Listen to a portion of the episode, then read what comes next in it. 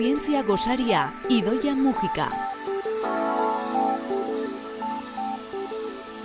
Idoia Mojika materiaren fizika zentroko komunikazio arduraduna, ze moduz Idoia? Ongi etorri. Egunon. Aizu, aste honetako kontua da, asteroide bat erori dela Frantzian, hainbat albiste irakurri ditugu horren ingurukoak, bereziena nahi baldin bada, e, ba, ikusi izan dugula Parisko zeruan nola argitu duen e, erabat asteroide horrek polita, eh? Bai. Batemateko lan ez badu ikusi, behintzat bilatu dezala, oso erresa da, ba, bilatu meteorito Paris Googleen jarrita, Googleen jarrita bai. eta ikusiko ez ze, ze irudi politak dauden. Sar 2000 seireun da irurogeita zazpi, ditzezan, meteoroide hori. Eta metro bateko zabalera zeukan, hau da, alegia, haundi xamarra, baina, bueno, metro batekoak atmosferan sartzen diranean, suntxitu egiten dira, eta guri iristen zaigun asko txikiagoa da. Albiste honetatik politxena da naner uste zeider da, aurrikusi zala, eroriko zala. Mm Eta aurrikusiko zan, non eta noiz. Beraz, kamarak ere hor, prezeuden eta ba, jakinaren gainean geunden esari eske, esker, azken finean da, teleskopio pila badauzkagu behatzen gure zerua eta dauzkagu ba ikusten ba, zer datorkigun, nola dagoen kosmosa, nola dagoen obiektu horiek, eta baten bat ba, izan ezkero arriskutsua ba, detektatzeko. Hau arriskutsua ezan, baina polita. Orduan, nipozik nago ze mendik aurrera, ba hori, agian hemen Euskal Herrian baten bat arrubiltzen danean, egongo gera danak begira zerura esateko baitu da, ze benetan piztu egin zan gaua. Bai, bai, zehaztasun horri esker, ez da? Hori, hori gertatu da, injustu, gaur, e, laureun eta berrogeita marrurte direnean, Koperniko jaio zela. Bai, ba, albiste hauek lotu nahi izan dituz, ze azken finean, askotan pentsatzen dut, ba, ba Koperniko bezalako zientzialari batek buru altxako balu, zenbat disfrutatuko luketen bai. ba, gaur egun bizi ditugun aurrerapen hauekin, ez? Ze beraien ekarpenak, konkretuki Kopernikorena berak ezin izan zuen ikusi bere deskubrimentuek zer ekarriko zuten, ez? Eta horrelako gauza bat adibidez, ba, meteoroide bat aurre ikustea ezinezkoa izango litzateke, ez ganuke ba, ez genuke ulertuko, ba funtsezkoa Koperniko mm -hmm. zigun legado handiena, ez? Hau da, bere teoria heliozentrikoa eguzkia zentroan jartzen zuena, egia zala, egia zala, eta horrela behar duela ulertzeko gertatzen diran gauza guztiak, ez, unibertsoan. Bere garaian, e, onartuta zegoena justu kontrakoa zen. Lurra zegoela unibertsoaren zentroan eta lurraren inguruan giratzen zuela ba, zeruan ikusten dugun mhm. guztia. Hau, gaur egun, ba, aixa, honork esango luke, ba, ba, bai, ze, ze zentzu gabekeria, baina ez zan, ze azken finean, zuk intuitiboki behatzen badezu zure ingurua, zu ikusten duzu lurra dagoela badirudi geldi, gure ikuspuntutik, eta mm. mugitzen diran gauza gure gainetik pasatzen dira, la orduan horren gainean mugitzen zen zientzia ere, ez gara bakarrekan hitz egiten ari ba, zerrezioen erligioak adibidez. Zientzia ere hor zegoen kokatuta geozentrismo horretan. E, berari asko kostatu zitzaion, gainera, e, bere teoria hori defendatzea eta eta erdigunean jartzea. Bai, bera nik uste aspertu zala eta dana, eta ez zuen publikatu nahi, bere lana, e, bere langile, bere laguntzaile, laguntzaile batek, berekin lan egiten zuen beste zientzialari batek nolabait ba, bultzatu zuen, nola publikatzeko eta argitaratzeko bere lana, baina berak ezekan interesik ze bazekien bai, e, zientzia komunitatean politikoki, por supuesto, elizarekiko kriston ba, talkak eukiko zitula, eta ba, ez dut uste gogo handirik zeukana. Bera, e, familia beratz batean jaio zan, Europa osoko hainbat erakundetan ez izan, matematikaria zala esaten da, astronomoa ere, medikua, ekonomilaria, diplomatikoa ere bai, irakurri dut, eh, hain zuzen ere astronomia berarentzat hobi bat zala. Mm Osea, bizitzen zuela, ba, zerbait, bai, zerbait polita mm bezala, ez? Eta, eta bueno, gero berak aparte bere lana zeukan. Hogeita bost urte eman zituen, ba, behaketak egiten, kalkuloak egiten, eta bere lan nagusia zana idazten. De revolution, de, de Tionibus orbium celestium, markatu zen ere latinera ez da oso, oso ona, baina itzulidet gutxi gara bera, zeruko esferen biratzeari buruz. Horri buruz, berak idatzi zuen, liburu bat, hogeita bost urtez. Eta esan bezala, bera hilzan, liburu hori argitaratu gabe ikusita. Mm, orduan berak ez, ba, ba zekian, ze, a ber, ez zuen liburua argitaratu, baina bere artikulo batzuk jazagunak ziran, Europa mailan jazaguna zan teoria hau, gaina etzan lehenengoa, aristarko esamos grek, grekiarrak aurre ikusi zuen, erabakarra azaltzeko ze pasatzen zan zeruan eta aurreikustiko zergaitikan ba, planetak planetak ziren gauza batzu mugiten ziranak, ba, inorrek ez zuela ulertzen nola mugitzen ziren, ze karo ez geunden ondo kokatuta. Kokatuta mm zegoen lurra erdian, orduan kalkuloak, kalkuloak inoz ez zitzaien ondo ateratzen.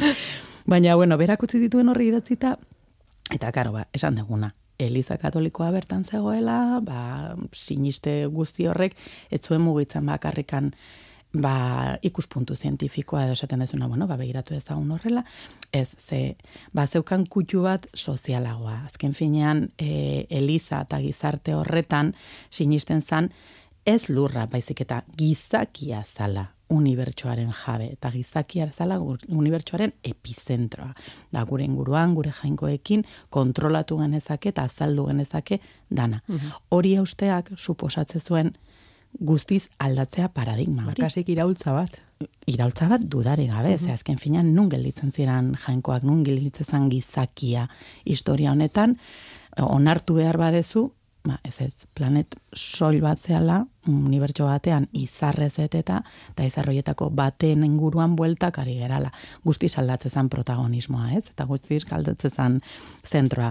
Orduan, ba, bere iraultza honek inspiratu zituen, edo lan honek inspiratu zituen adidez Galileo Galilei edo Johannes Kepler, beraiek Kopernikoren teoria hartuta, ja, e, idatzi zituzten ba, lege fisikoak funtzionatzen zituztenak, gaina Galileok e, teleskopioarekin frogatu zuen Jupiter planetaren inguruan obiektu batzuk i, bere inguruan ari zira la bueltaka, da ilargiak zituela horrek ze suposatzen zuen, ba gauza guztiek ez dutela giratzen lurraren inguruan, ba zeudela gauza batzuk beste gauza batzuen inguruan giratzen, eta hori etzegoen ukatzerik, ze ikusten ari ginen, ez? Ja, geneukan lehenengo evidentzia esperimentala Koperniko ez zeukana.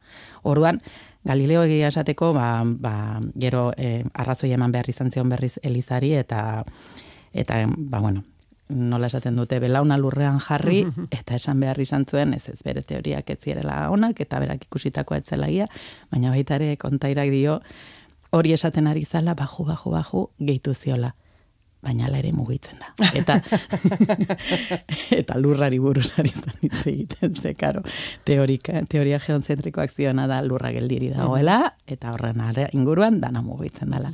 Orduan, ba, bueno, eze mundu irekizan, ba, hipotesien mundu irekizan, naturarekin kontrastatu behar dira gauzak, e, ezin degula pentsatu, ba, gure ikuspuntua bakarra dala, baizik, eta osoan hitza izan behar duela izan, eta gauza asko daudela e, jokuan, ez? E, unibertsoari buruz, bueno, zientziari buruz hitz egitean. Orduan humildade puntu bat ere mm. behar dala, eta zientzialari gixan ikustet hori ezinbestekoa dala.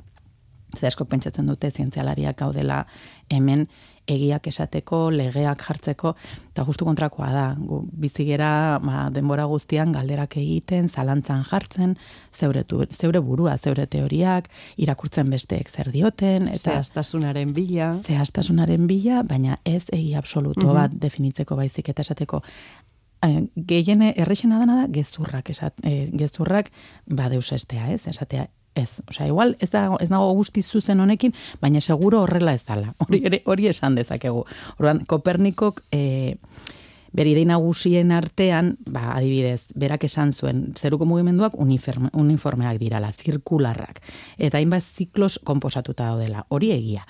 Unibertsuaren erdigunean, e, urdigunea eguzkitik gertu dago hori ez da egia. Mhm. Baina bere kalkuloekin ba, horrelako katu mhm. zuen, ba, garaian zeuzkan e, erramentekin, ez? Eguzkiaren inguruan orbitatzen eh, daude adibidez, Merkurio, Artizarra, Lurra, Ilargia, Marte, Jupiter, Saturno. Hori berak esan zuen, gaur egun badakigu, Ilargia ez dagoela lurra, e, eguzkiaren inguruan orbitatzen, baizik eta Lurraren inguruan. Pentsa, eh, bera oso zientzialari bikaina zala, eta hala ere, ba, ba, ba, bazituen bere limitazioak ez, eta bere ulermena etzan guztizona, baina oso urbil zegoen. Izarrak urrun dauden objektuak dira, hori ere aurre ikusi zuen. E, gure izarra eguzkia guandik oso gertu dagoela izarroiekin konparatzen badegu, hori kriston e, karpena izan zen, eta baita aurre ikusi zuen lurrak hiru mugimendu dituela. Eruguneroko errotazioa, ba, eguna deitzen dioguna, urteroko bira urtea deitzen diogula, eta bere ardatzearen inklinazioa pixka komplexuagoa da, baina hori ere egia da. Orduan, ba, bueno, berak esandakoaren gainean, ia guztia egia, baina zehatza guztiz, ez, jarraitu behar da lanean, mm. Galileo etorri zan, ba, Kepler etorri zan, beste beste astronomo, eta gaur egun asko zaiago dakigu, eta askoz gehiago gelitzen zaigu jakiteko. Mm. Pentsa, e, eundak urte pasa dira, eta oraindik e, orain e, plazaratzen dira astrologiaren ingurukoak, e, segurunago gure entzuleren batek baino gehiagok begiratu duela, eh? horoskopoa nola aldatu den, eta eta horren inguruko albisteak duela gutxi e, izan ditugulako. Bai, bai, ari eraitz egiten Mercurio retrogrado. Hori, kanei, horrelako albisteak eh, irakurtzea pixka mina ematen ditula. baina, bueno, baina egin nuen bilaketa erraiz bat Googleen eta jarri nuen. Merkurio retrogrado eta horra saldu zuk esan ez astrologia, ez astronomia. Mm. Ba, horoskopoaren ikuspuntutik, zer ondorio karriko zituen, gaina dana txarrak, gauza bai, katastrofikoa, e, Merkurio atzerantz zijoala. Bueno, Merkurio ez zijoa atzerantz. In, planeta guztiak giratzen dute zentzu berdinean eta hori da, ba, hasieratik gure guzki sistema sortu zanetik, hor dabilen masa dana elkarrekin ari zan mugitzen eta jarraitzen du mugitzen mugimendu uniforme berdinean. Batzuk askarrago, beste batzuk polikiago, segun eta zein gertu zauden eguzkitik. Ordan Azteko hori, Merkurio ezin du, inungo planetak ezin du norantza aldatu eta mapatean ba, beste aldera joan. Guztia ilusio optiko bada, eta astronomikoki erraxu lertu daiteke. Gu, esan dakoa, lurrean gaude, hemen geha, ba, zagit, mm, ikusle utxak, eta gau, gure lurretik ikusten ditugu gauzak mugitzen, baina gu daukagu mugimendu propioa, eta beste gauzek ere. Orduan, segun nun gauden kokatuta, Merkurio gelitzen bazaigu, e, eskubian edo ezkerrean edo gelitzen bazaigu, mende baldera edo, edo ekialdera, eman dezaken impresioa da, e, egin duen ibilbidea atzerakoa dala. Baina ez aurrela berak aurrera jarraitzen du, gu gera mugitzen ari gerana, ba, pasatzen ari geralako bere aurretik. Adibidez, tren batean zaudenean eserita, ondoko trena mugitzen hasten danean, momentu batez, zuk ez dakizu zu mugitzen ari zeran, edo, tren, edo beste tren, eta zu, ui, behitu, eta bapatean, hmm. e, sentitzen dezuzu mugitzen ari zerala, eta zaude mugitzen, da ilusio bat bestea mugitzen ari ba, Horri, hori xe bera beste, beste. beste horren beste gerritzen da. Ordan, ba, bueno, Koperniko poziek egongo zan, ba, meteoritoen ibilbidea horreratzeko gai geralako, ulertu degulako gauza asko, eta seguru disfrutatuko lukela pila bat ikusia ze teleskopio, ze teknologia daukagun, baino, eh, pentsatu nahi dut, ba, parrez hartuko luela, lukela horrelako albiste bat, ez? Ba, Merkurio atzerakazi joala, ba, bueno, behintzat, pa, parre pixka bat ingo dugu, baina, baina inor, e, a ber, ez dugu nahi ere inor, ezakit, ba, ulertzen dut ere, jende batzuentzat agian posible dela, baina mm, konbidatzen dut jende hori ere, ba, bilatzea Googleen astronomikoki azalpena, ba, de bideo oso politak ikusten dela, non dago neguzkia, non dago lurra, non dago merkurio, eta oso erraxu ulertu daiteke benetan gertatzen ari da. Kopernikok disfrutatuko luke, eta guk disfrutatu dugu zurekin. Idoia Mujika, plazerra. Eskerrik asko. Aio.